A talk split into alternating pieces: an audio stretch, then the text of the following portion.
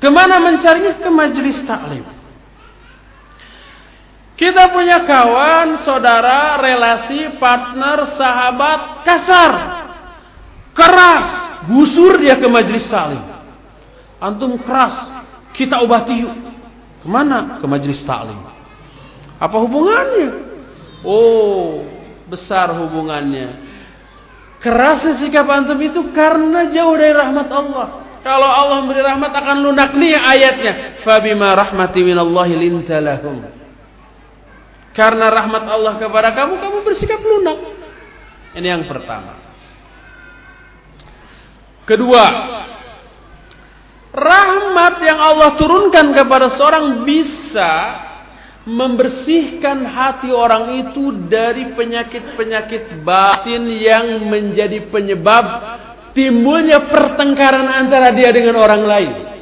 Rata-rata kita bertengkar dengan orang lain itu karena ada sikap hasad atau dengki, iri, suudon, curiga, arogan, merasa diri lebih atau sombong, merasa ingin menang sendiri, dan seabrek lagi penyakit yang lainnya, itu yang menyebabkan kita bertengkar sama orang lain. Ikhtilaf yang terjadi tidak akan menyebabkan seseorang bertengkar atau bermusuhan. Tapi yang menjadi penyebab seorang bertengkar atau bermusuhan itu adalah karakter orang-orang yang berikhtilaf. Lihat para sahabat, lihat para ulama apakah mereka sependapat dalam segala hal tidak ada perbedaan pendapat? Oh, banyak. Para sahabat saling berbeda pendapat, para ulama saling berbeda pendapat. Tapi apa mereka bertengkar? Enggak, saling memuji, saling mengagumi, saling menghargai. Jadi bukan perbedaan pendapat yang menyebabkan seseorang itu jadi clash, jadi bermusuhan, jadi bertengkar, jadi berbenturan, tapi karakter orang-orang yang berbeda pendapat. Kalau berbeda eh, pendapat itu disertai dengan dengki, dengan iri, dengan mau menang sendiri, dengan arogan, dengan kesombongan, dengan ketidakikhlasan, dijamin jadi pertengkaran. Tapi kalau secara tulus ikhlas, sehebat apa pun perbedaan pendapat, nggak akan jadi pertengkaran di antara sesama mereka. Kata Imam Syatibi rahimahullah, manusia itu memiliki karakter atau sifat selalu ingin bertengkar. Ini diambil dari satu ayat yang terdapat dalam surah Hud ayat 115 116. Kata Allah, "Wala yazaluna mukhtalifin illa man rahima rabbuk." Kata Allah manusia itu selalu ikhtilaf. Dan ayat ini kata Imam Syatibi dalam kitab Al-Iqtisam memberikan makna bahwa manusia memiliki sifat atau karakter suka ikhtilaf. Ini didasarkan kepada dua hal dalam ayat ini. Pertama, Allah mengungkapkan dengan lafaz la yazalun wa la yazaluna La yazalun itu artinya tidak henti-hentinya. Selalu atau terus menerus. Kalau terus menerus selalu tidak henti-henti berarti menjadi sifat, menjadi karakter. Kedua, dalam ayat itu Allah mengungkapkan dengan lafaz mukhtalifin. Di dalam bahasa Arab, mukhtalifin ini disebut isim fa'il. Kata benda yang bermakna subjek, pelaku. Berasal dari kata ikhtalafa yakhtalifu ikhtilafan fahuwa mukhtalifun. Jamaknya dalam keadaan nasab mukhtalifin. Kalau kata Imam Syatibi, sesuatu diungkapkan dengan bentuk isim fa'il berarti di dalamnya terkandung sifat. Mukhtalifin adalah orang yang memiliki sifat suka ikhtilaf. Ditunjang lagi dengan kata sebelumnya wala yazalun selalu terus menerus tak henti-henti. Manusia itu suka ikhtilaf. Ini menunjukkan manusia memiliki karakter dasar seperti itu. Ingin ikhtilaf. Dan kata Imam Syatibi, yang dimaksud ikhtilaf di sini bukan sebatas perbedaan pendapat, tetapi pertengkaran yang mengarah kepada perpecahan atau permusuhan. Ini karakter dasar manusia. Makanya jangan heran kalau di dunia ini banyak pertengkaran permusuhan bahkan peperangan saling bunuh satu sama lain. Tapi apa semua manusia begitu?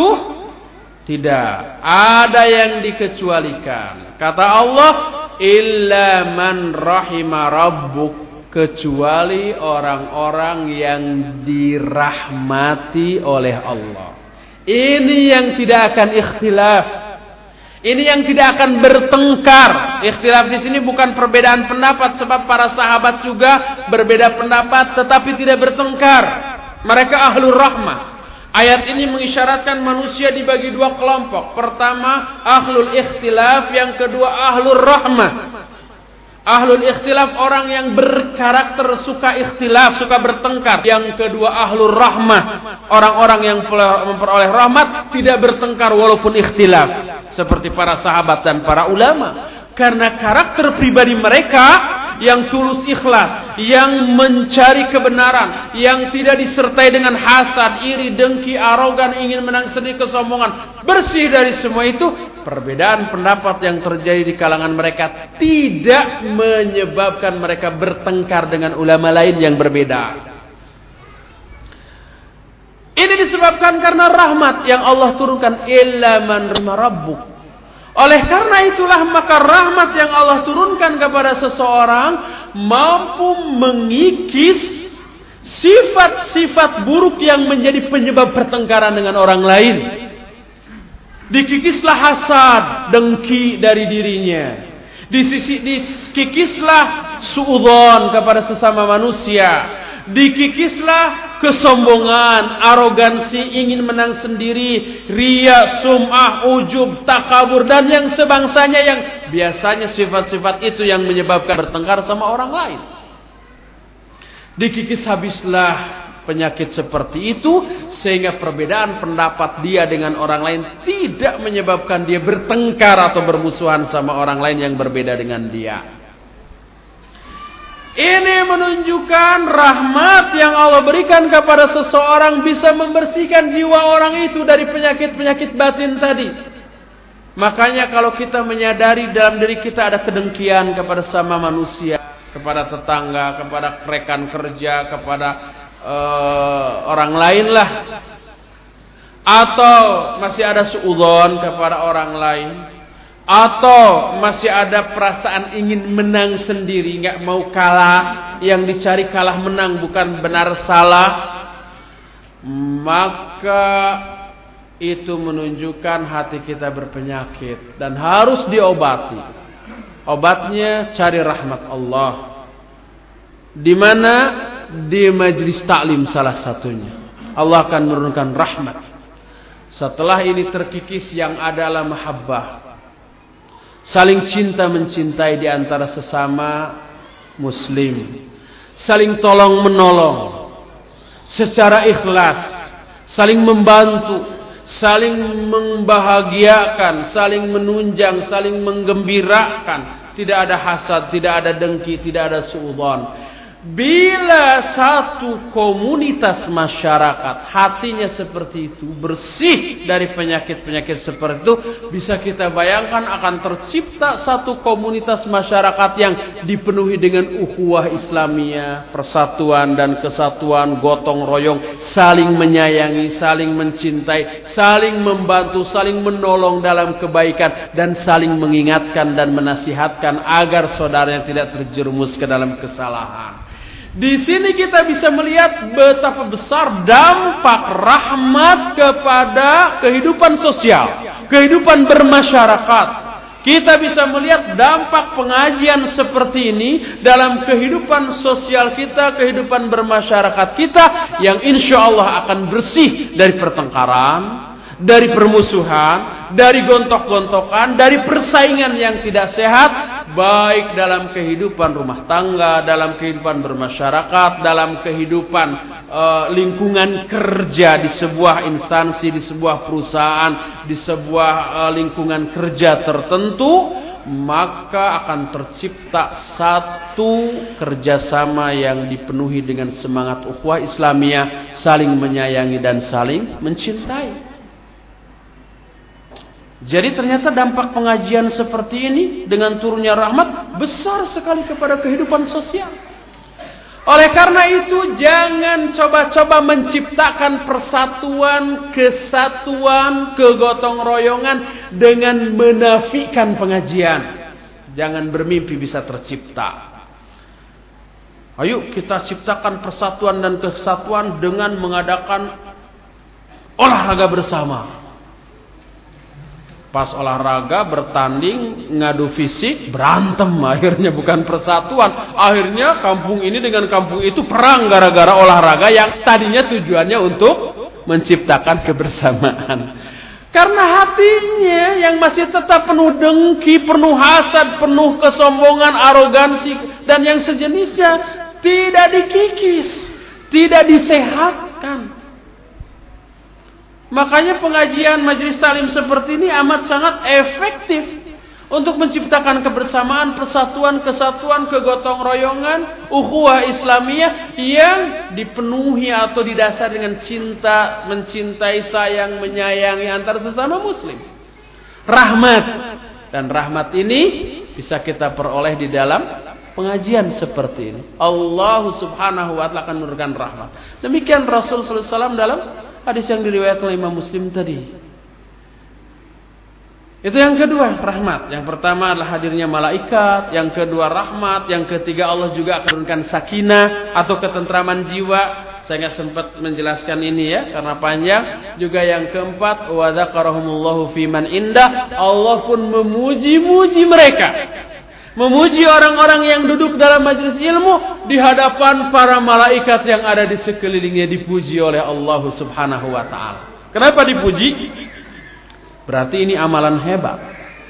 Kalau nggak hebat nggak akan dipuji oleh Allah. Dipujinya bukan di hadapan sesama manusia, di hadapan para malaikat yang ada di sisi Allah Subhanahu wa taala. Hadis ini sekalipun pendek memuat empat keutamaan bagi orang-orang yang hadir dalam majelis ilmu seperti ini. Pertama, para malaikat. Kedua, rahmat. Ketiga, sakinah. Keempat, pujian Allah. Dari keempat ini nanti berkembang melahirkan keuntungan-keuntungan lain. Yang tidak sempat saya jelaskan pada malam hari ini karena waktunya terbatas. Saya khawatir antum semua kecapean mendengarnya. Biar nanti saja lagi lain kali waktu yang saya miliki ini sudah habis. Uh, saya nggak tahu apa sisa waktunya pulang langsung atau tanya jawab. Ya, uh, untuk sementara sebagai mukaddimah dari pertemuan kita, saya cukupkan sampai di sini saja dulu. Sisa waktu yang ada kita akan gunakan untuk tanya jawab dan sesi tanya jawab ini pengaturannya saya serahkan kepada pembawa acara. Subhanakallahumma bihamdika asyhadu anta astaghfiruka wa atubu. Iya. Ada dua pertanyaan yang saya tangkap dari penelpon tadi. Pertama, adakah perbedaan antara keutamaan menuntut ilmu bagi laki-laki dan bagi wanita? Kedua, apakah yang dimaksud ilmu yang utama tadi apakah ilmu agama atau ilmu dunia gitu ya.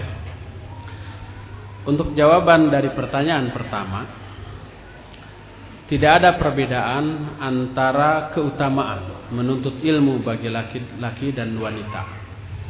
Sebab lafaz hadis talabul ilmi ala kulli muslim bahwa mencari ilmu itu wajib bagi setiap muslim. Muslim dengan lafaz nakirah atau umum baik laki-laki maupun perempuan. Walaupun lafaz hadis ala kulli muslim wa muslimatin itu tambahan muslimahnya tidak ada tetapi hanya sampai muslim. Tapi maknanya mencakup laki-laki dan wanita. Sehingga baik laki-laki maupun wanita sama keutamaannya dalam ketika mereka mengkaji ilmu. Yang berbeda adalah tentang perbenturan antara kewajiban mencari ilmu ini dengan kewajiban lainnya antara laki-laki dan wanita. Kita mengetahui bahwa wanita memiliki banyak keterbatasan dan para wanita juga memiliki beberapa aspek yang lebih ketat untuk diperhatikan daripada laki-laki. Pertama ketika keluar rumah wanita itu harus mendapatkan izin. Kalau dia belum bersuami, izin ke ayahnya. Kalau sudah bersuami, izin kepada suaminya. Kalau laki-laki tidak. Kedua, ketika keluar rumah, wanita harus menutup aurat.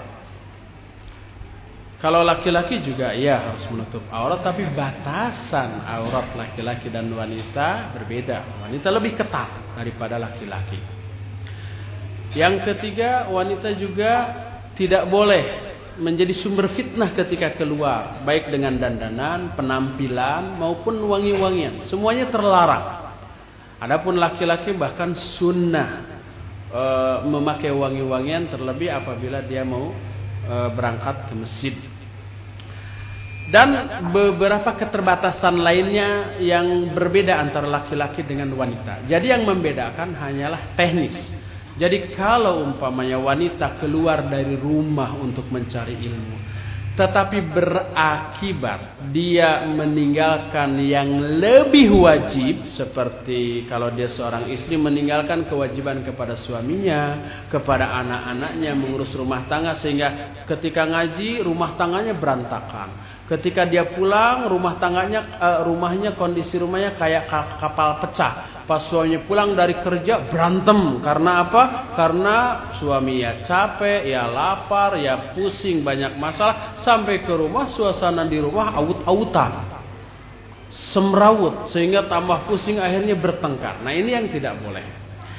Itulah yang membedakan antara laki-laki dan wanita. Adapun kalau semua uh, kendala yang dihadapi oleh laki-laki ataupun oleh wanita ketika mencari ilmu itu sudah teratasi. Kemudian mereka ini duduk bersama-sama di dalam majelis ilmu dengan terpisah oleh hijab maka keutamaannya sama baik bagi laki-laki maupun bagi wanita.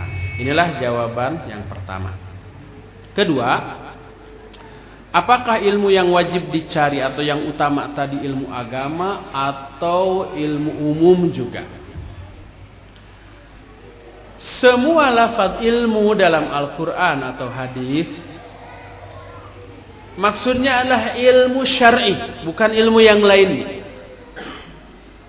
Seperti umpamanya ayat yang menyatakan innama yakhsyallaha min ibadihi ulama. Hanyalah orang-orang yang takut kepada Allah di kalangan hamba-hambanya hanyalah para ulama. Maksud ulama di sini adalah ulama syar'i, ulama yang memahami, menguasai secara mendalam ilmu-ilmu syar'i. Dalam hadis yang diriwayatkan oleh Imam Bukhari dikatakan min asyratis sa'ah ayyaqillal ilmu wa yakthurul jahlu. Di antara tanda-tanda kiamat adalah ilmu akan semakin sedikit, kebodohan akan semakin merajalela. Semakin banyak kebodohan. Kita lihat realita. Apakah orang-orang semakin ke sini semakin bodoh atau semakin pinter dalam ilmu dunia? Semakin pinter, teknologi semakin maju, peradaban semakin maju, segala macam semakin maju. Semakin pinter mereka dalam segala bidang dalam bidang politik, dalam bidang sosial, ekonomi, budaya, termasuk sains dan teknologi. Semakin pintar. Tapi kenapa hadis menyatakan bahwa semakin tua zaman, semakin dekat ke hari kiamat, kebodohan semakin merajalela, ilmu semakin sedikit. Karena yang dimaksud ilmu di sini adalah ilmu syar'i. Dan ini sesuai dengan kenyataan. Semakin tua usia dunia, orang yang faham ilmu syar'i semakin sedikit orang yang bodoh tentang ilmu syar'i semakin banyak. Oleh karena itu, ketika Imam Ahmad ditanya, Ilmu apa yang wajib dicari dalam hadis talabul ilmi faridatun ala kulli muslim? Bahwa mencari ilmu itu wajib bagi setiap muslim. Ilmu apa? Imam Ahmad menyatakan ilmu yang dengan ilmu itu seseorang bisa melaksanakan kewajibannya sebagai makhluk kepada Allah sebagai khaliq. Contohnya ilmu tentang tata cara sholat, tata cara saum, tata cara wudhu, tata cara haji, tata cara yang berkaitan dengan kewajiban dia. Kalau ilmunya nggak bisa, berarti salah melaksanakan kewajibannya dan itu dosa. Itulah yang dimaksud ilmu yang wajib dicari yaitu ilmu syar'i. Lalu bagaimana hukumnya mencari ilmu dunia seperti sains, teknologi, ilmu kedokteran, ilmu sosial, ekonomi dan seterusnya. Kalau ilmu-ilmu itu amat sangat dibutuhkan oleh muslimin. Yang apabila kaum muslimin seluruhnya tidak menguasai berakibat fatal, kaum muslimin selalu terpuruk, kaum muslimin selalu tertinggal, kalah, dibodohi, dijajah, diintimidasi oleh orang-orang kafir, maka ilmu tersebut adalah ilmu yang sangat penting difahami dan dikuasai oleh kaum muslimin. Mempelajarinya bisa fardu kifayah. Tapi tidak fardu ain seperti ilmu syar'i tadi. Dan mempelajarinya bisa berpahala. Jadi kalau ilmu tersebut, ilmu dunia adalah ilmu yang bermanfaat, bisa jatuh kepada hukum fardu kifayah, minimalnya sunnah dan berpahala mempelajarinya. Tapi tetap tidak boleh mengalahkan kewajiban menuntut ilmu syar'i. Jadi jangan sampai ada seorang muslim ilmu-ilmu dunia dia kuasai sedalam mungkin sampai bergelar profesor, doktor, insinyur. Pokoknya gelarnya lebih panjang daripada namanya, saking pinternya. Tapi pas sholat dia nggak bisa, masih salah. Pas tata cara wudhu masih salah. Pas tata cara saum masih salah. Cara haji masih salah. Maka dia belum mengamalkan hadis tolabul ilmi faridatun ala kulli muslim. Belum, belum mengamalkan. Walaupun dia dari SD, SMP, SMA, perguruan tinggi sampai S3 habis, sampai profesor, tapi di di di bidang duniawi tapi sholat belum pernah dipelajari cara sholat yang benar, cara wudhu yang benar sehingga masih salah. Dia berdosa. Karena apa? Karena belum mengamalkan hadis sholabul ilmi faridatun ala kulli muslim. Wallahu a'lam. Sekarang banyak orang yang katakanlah merasa tidak berilmu. Apa dia punya kesempatan untuk memperoleh pahala yang mengalir terus sampai ke alam kubur? Bisa. Berdasarkan hadis yang saya ungkapkan tadi man sanna sunnatan man sanna fil Islam sunnatan hasanatan. Siapa orang yang menunjukkan satu jalan dalam Islam ke jalan kebaikan. Gimana aja caranya? Baik cara ngajar atau menunjukkan ilmu berupa memberi kaset, memberi buku, memberi visi visi di ceramah, menunjukkan website tentang ilmu-ilmu yang benar dan seterusnya, ya, mengedarkan e, buletin yang berisi ilmu, atau menunjukkan tuh kalau mau ngaji yuk dengan saya ke sini ngaji ke masjid Anu dengan Ustaz Anu. Ini sama dengan menunjukkan jalan kepada jalan kebaikan. Sehingga hadis tadi menyatakan Ad-dalu alal khairi kafa'ilihi. Orang yang menunjukkan kepada kebaikan sama pahalanya dengan orang yang mengerjakannya. Menunjukkan saja. Tuh ada pengajian yang bagus tuh di sana dengan Ustaz Anu hari Anu jam sekian. Itu menunjukkan. Itu menunjukkan jalan kebaikan. Jadi orang bodoh bisa memperoleh bagian dari pahala ini dengan cara seperti itu. Cuma Jangan betah dalam kondisi seperti itu. Oh, ternyata untuk peroleh pahala terus-menerus nggak perlu jadi ustaz, nggak perlu ngaji, cukup banyak uang, borong buku, bagi-bagi. Dia sering nggak baca, ya. Dia sering nggak baca karena apa? Karena ada sisi bahayanya tetap orang bodoh tuh. Di mana sisi bahayanya? Pertama sebagai orang bodoh, dia tidak berilmu, tidak mengetahui banyak hal, dia mudah terombang-ambing dengan syubhat. Umpamanya dia diberi penjelasan tentang satu perkara yang sebenarnya salah. Tapi perkara salah ini didalili oleh Quran, oleh hadis sehingga seolah-olah benar. Oh, iya Al-Quran. Contoh, pernah nggak kita mendengar orang ustadz, dai, mubaligh, kiai mengatakan Allah ada di mana-mana? Pernah? Sering. Sering bukan pernah lagi. Apa dalilnya? Dalilnya nih, wa huwa ma'akum aina kuntum. Allah menyertai kalian di mana pun kalian berada. Kalian ada di mana-mana berarti Allah juga ada di mana-mana. Oh iya ya ada ayatnya ya. Nah udah masuk dia. Orang bodoh itu nggak bisa membantah, nggak bisa mengingkari hal itu. Padahal hal itu salah. Kesalahannya banyak dibeberkan oleh para ulama di dalam kitab-kitab mereka karena berbenturan dengan banyak ayat dan banyak hadis. Jadi ada sisi bahayanya. Orang bodoh mudah sekali diombang-ambing, mudah tertipu, mudah dibodohi. Dan yang terlebih lagi orang bodoh ketika melaksanakan ibadah apa pun karena didasari dengan kebodohan. Amat sangat mungkin ibadah yang dilakukannya salah bercampur dengan kebidahan dan penyimpangan. Oleh karena itu, sekalipun orang bodoh punya kesempatan untuk memperoleh pahala yang mengalir terus dengan cara bagi-bagi buku, dengan cara bagi-bagi kaset, dengan cara menunjukkan tempat pengajian dan mengajak, tapi jangan merasa betah dalam kondisi seperti itu. Wallahu a'lam. Itu jawaban saya. Iya. Tadi dijelaskan bahwa kita tidak boleh mendolimi binatang. Ini bersifat umum. Tapi ada pengecualian. Binatang-binatang tertentu bahkan ada yang wajib dibunuh apabila membahayakan. Seperti contoh ular, jangankan dalam kondisi normal. Dalam keadaan kita sedang sholat pun ada ular lewat, kita bunuh dulu.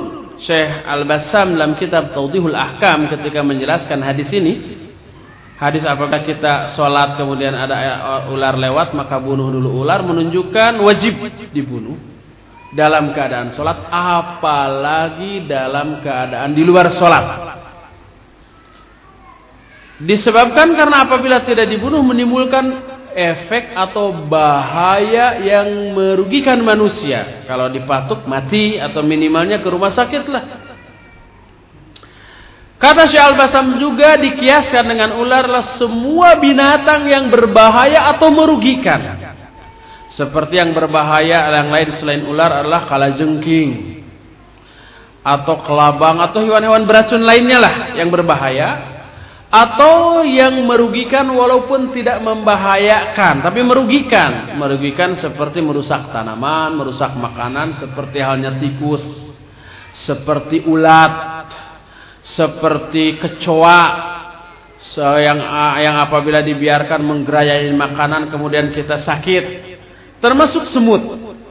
Oleh karena itulah binatang-binatang yang merugikan kita, merugikan manusia sekalipun tidak sampai membahayakan jiwa manusia tapi menimbulkan efek rugi maka itu boleh dibunuh. Dan membunuhnya tidak termasuk ke dalam kategori zalim kepada binatang. Nanti kalau begitu ayam nggak boleh disembelih dong zalim kambing, sapi. Gimana kita makan ayam nanti ya? Jadi itu tadi bersifat umum. Tetapi yang membahayakan atau merugikan boleh. Wallahu a'lam. Adakah perbedaan orang yang langsung hadir ke majelis seperti ini dengan orang yang cuma dengar di radio di rumah? Kalau umpamanya kita menjawab sama persis, bisa-bisa yang di sini protes. Udah jangan hadir aja. Di rumah aja sudah sambil baring-baring sambil minum kopi gitu ya. Jelas beda. Karena apa? Pengorbanannya berbeda. Yang datang ke sini pengorbanannya lebih besar daripada yang ongkang kaki di rumah. Yang datang ke sini mengeluarkan ongkos. Uang yang dikeluarkan untuk ongkos datang ke sini itu berpahala dianggap infak fisabilillah dan akan diganti oleh Allah Subhanahu wa taala berkali-kali lipat. Sebab aja yang keluar uang ke sini, besok lusa akan dapat rizki lebih lagi dibanding yang di rumah. Itu pertama. Kedua, ada unsur malas datang ke sini. Hujan, becek, ngantuk, kena angin dan seterusnya dan secara fisik capek. Besok oh, besok libur nggak kerja. Itu pengorbanan, itu perjuangan untuk menyisihkan semua kendala tadi. Berbeda dengan ongkang-ongkang di rumah. Nggak kehalang hujan, nggak kehalang dingin, nggak becek, nggak keluar uang. Dan banyak lagi yang lainnya, termasuk kehadiran para malaikat di sini. Kalau di rumah, apakah malaikat hadir? Belum tentu, tergantung kondisi rumah. Kalau di rumahnya banyak gambar, musik, banyak hal-hal yang maksiat nggak akan datang malaikat rahmat datang ke sana. Jadi jelas bagaimanapun tidak sama mendengarkan pengajian dengan langsung datang ke majlis ya tempat pengajian dengan hanya mendengarkan di radio sekalipun mendengarkan di radio jelas ada manfaat berbeda dengan yang tidak datang dan tidak mendengarkan. Jangan sampai yang di rumah, wah beda, udah aja jangan dengar sekalian, tambah salah ya nggak mampu kedengar, eh, nggak mampu hadir karena banyak halangan yang tidak bisa diatasi, dengarlah di radio nggak apa-apa, gitu ya. Ada keutamaan dibanding dengan yang tidak mendengarkan sama sekali dan tidak datang juga ke sini. Allahu a'lam. Mengajarkan ilmu yang dibayar. Ada dua dalil yang sepintas kontradiksi. Dalil pertama bahwa berdakwah itu harus ikhlas.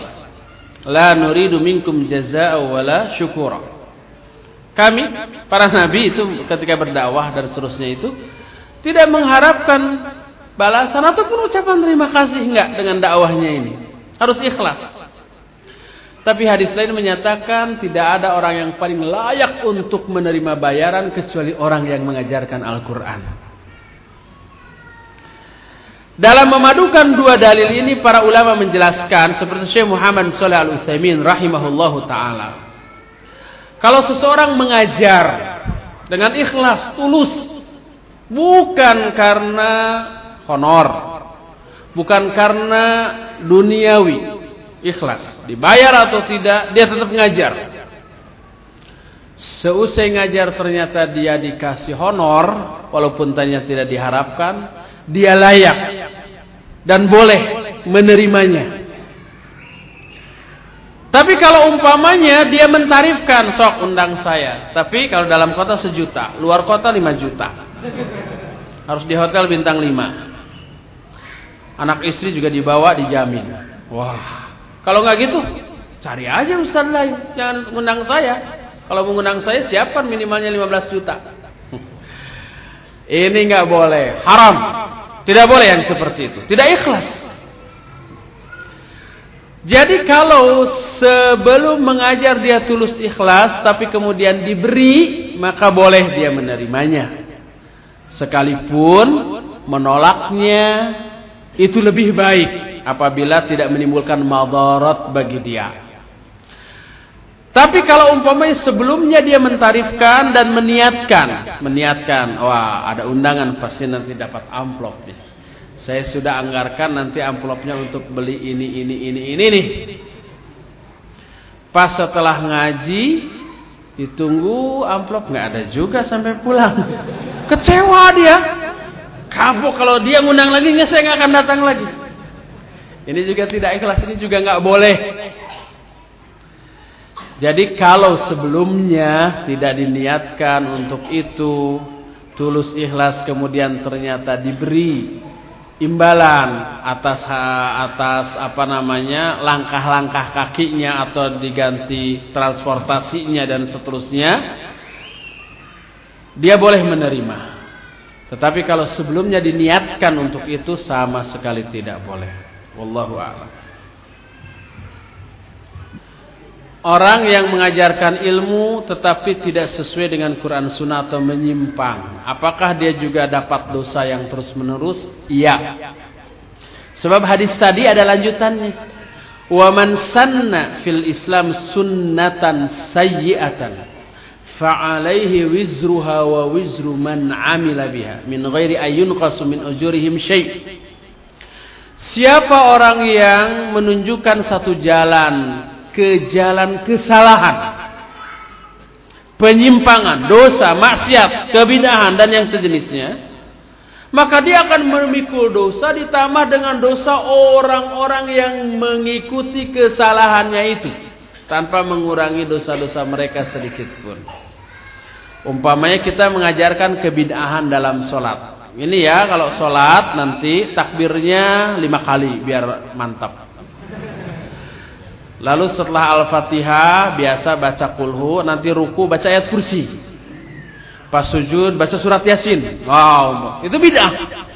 Merubah aturan sholat. Dia berdosa. Dan murid-muridnya yang mengamalkan kesalahan itu juga berdosa dan si gurunya juga memikul dosa-dosa dari murid-muridnya yang salah tadi tanpa mengurangi dosa si murid itu sedikit pun. Terus berlangsung masuk kubur juga. Tidak hanya sepanjang hidup. Masuk ke dalam kubur walaupun dia udah mati, dosanya ikut. Kenapa? Karena kebidahan dan kesesatan yang diajarkannya masih tetap diamalkan oleh banyak orang. Makanya hati-hati kalau ngajar mengajarkan kesalahan, mengajarkan permusuhan, mengajarkan kedengkian, mengajarkan yang seperti itu, wah, itu dosanya itu terus masuk ke alam kubur. Bagaimana tobatnya? Tobatnya jauh lebih berat dibanding tobat orang yang bermaksiat. Kalau umpamanya seseorang berjudi atau mabuk atau berzina, Tobatnya hanya lima atau enam syarat. Syarat yang pertama berhenti. Syarat yang keduanya menyesal. Syarat ketiganya tidak mengulang kembali. Syarat keempat berkaitan dengan waktu dilaksanakan sebelum syakaratul maut. Syarat kelimanya dilaksanakan sebelum matahari terbit dari sebelah barat. Syarat keenam karena tobat adalah ibadah harus diniatkan ikhlas karena Allah, bukan karena ria. Dan kalau dosanya berkaitan dengan hak orang lain, kembalikan hak itu. Kalau nyuri, kembalikan barang. Kalau pernah menghina, minta maaf dan minta diikhlaskan. Itu lebih berat. Tapi kalau mengajarkan kebidahan, ada tambahan lagi. Selain yang tadi disebutkan, dia harus meralat mencabut ajaran kebidahan yang pernah diajarkannya kepada oh murid-murid yang dulu pernah dia ajari kebidahan itu dan apabila si murid itu sudah tidak ada entah ke mana gitu ya di sini yang lebih berbahayanya oleh karena itulah maka mengajarkan kebidahan itu tobatnya jauh lebih susah daripada melakukan kemaksiatan. Nah, apa yang bisa dilakukan? Ralat semaksimal yang dia bisa. Hubungi orang-orang yang dulu pernah kita ajari kebidahan. Dulu saya mengajarkan ini salah, yang benar begini dengan dalil gini gini gini. Kemudian kalau ada orang-orang yang sudah entah ke mana gitu pindah, tidak diketahui, kita kasetkan, kita tulis buku, kita tulis di internet semaksimal yang kita bisa untuk meralat kesalahan yang pernah kita ajarkan. Itu yang bisa kita lakukan sebagai bukti tobat kita dari kebidahan yang pernah kita ajarkan. Wallahu a'lam.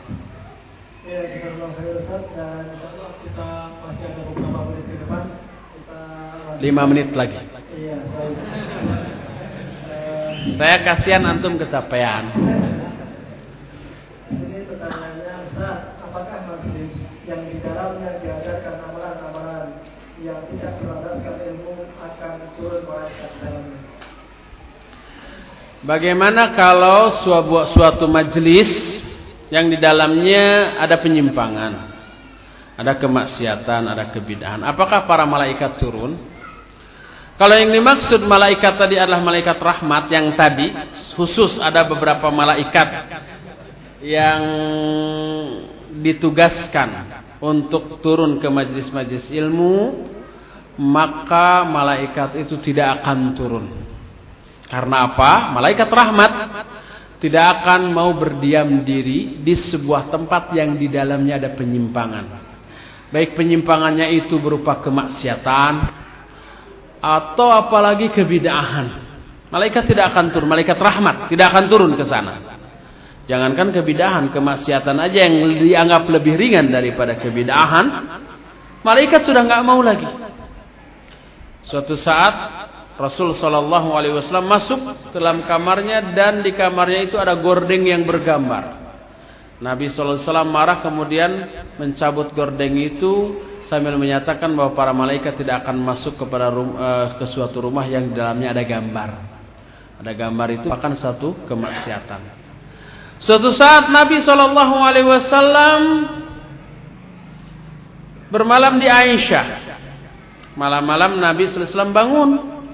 Kemudian diam-diam perlahan-lahan keluar. Aisyah curiga. Jangan-jangan Nabi mau ke istrinya yang lain. Diikuti keluar. Sampai di suatu tempat Nabi berhenti dan bercakap-cakap dengan seorang yang nggak kelihatan. Setelah beres pulang lagi, Aisyah cepat lari pulang ke rumahnya. Terus pura-pura bobo. Pura-pura tidur. Begitu Nabi SAW masuk, bayangkan orang yang baru lari langsung tidur. Pasti kelihatan nafasnya terengah-engah ya. Kenapa nafasmu memburuhi Aisyah? Oh kamu yang tadi saya lihat lari e, di depan saya. Kata Aisyah, saya khawatir engkau berangkat e, pergi ke istrimu yang lain. Lalu Nabi SAW marah. Apakah kamu mengira Allah dan Rasulnya akan khianat? Kemudian beliau menyatakan, tadi datang malaikat Jibril ke sini. Dia tidak mau masuk karena engkau tidak sedang menutup aurat, terbuka aurat. Makanya aku disuruh keluar lalu dan seterusnya.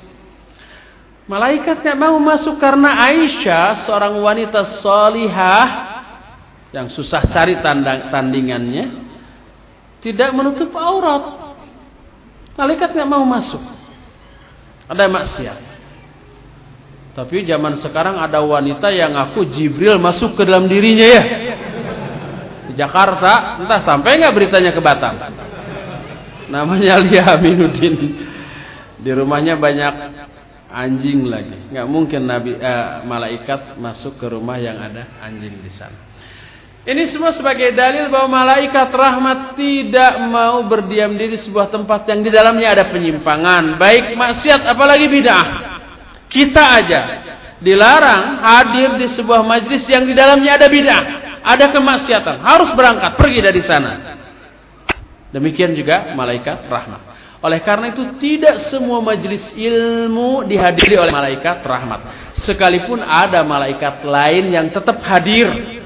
Malaikat pencatat amal jelas hadir selalu. Di mana pun walaupun di WC.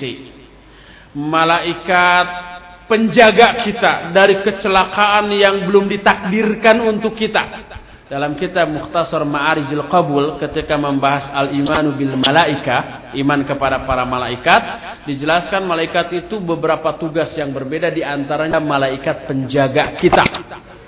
Menjaga dari kecelakaan yang akan menimpa kita tapi belum ditakdirkan menimpa kita. Kita diselamatkan oleh malaikat. Malaikat seperti itu tetap ada di mana pun dalam keadaan bagaimanapun.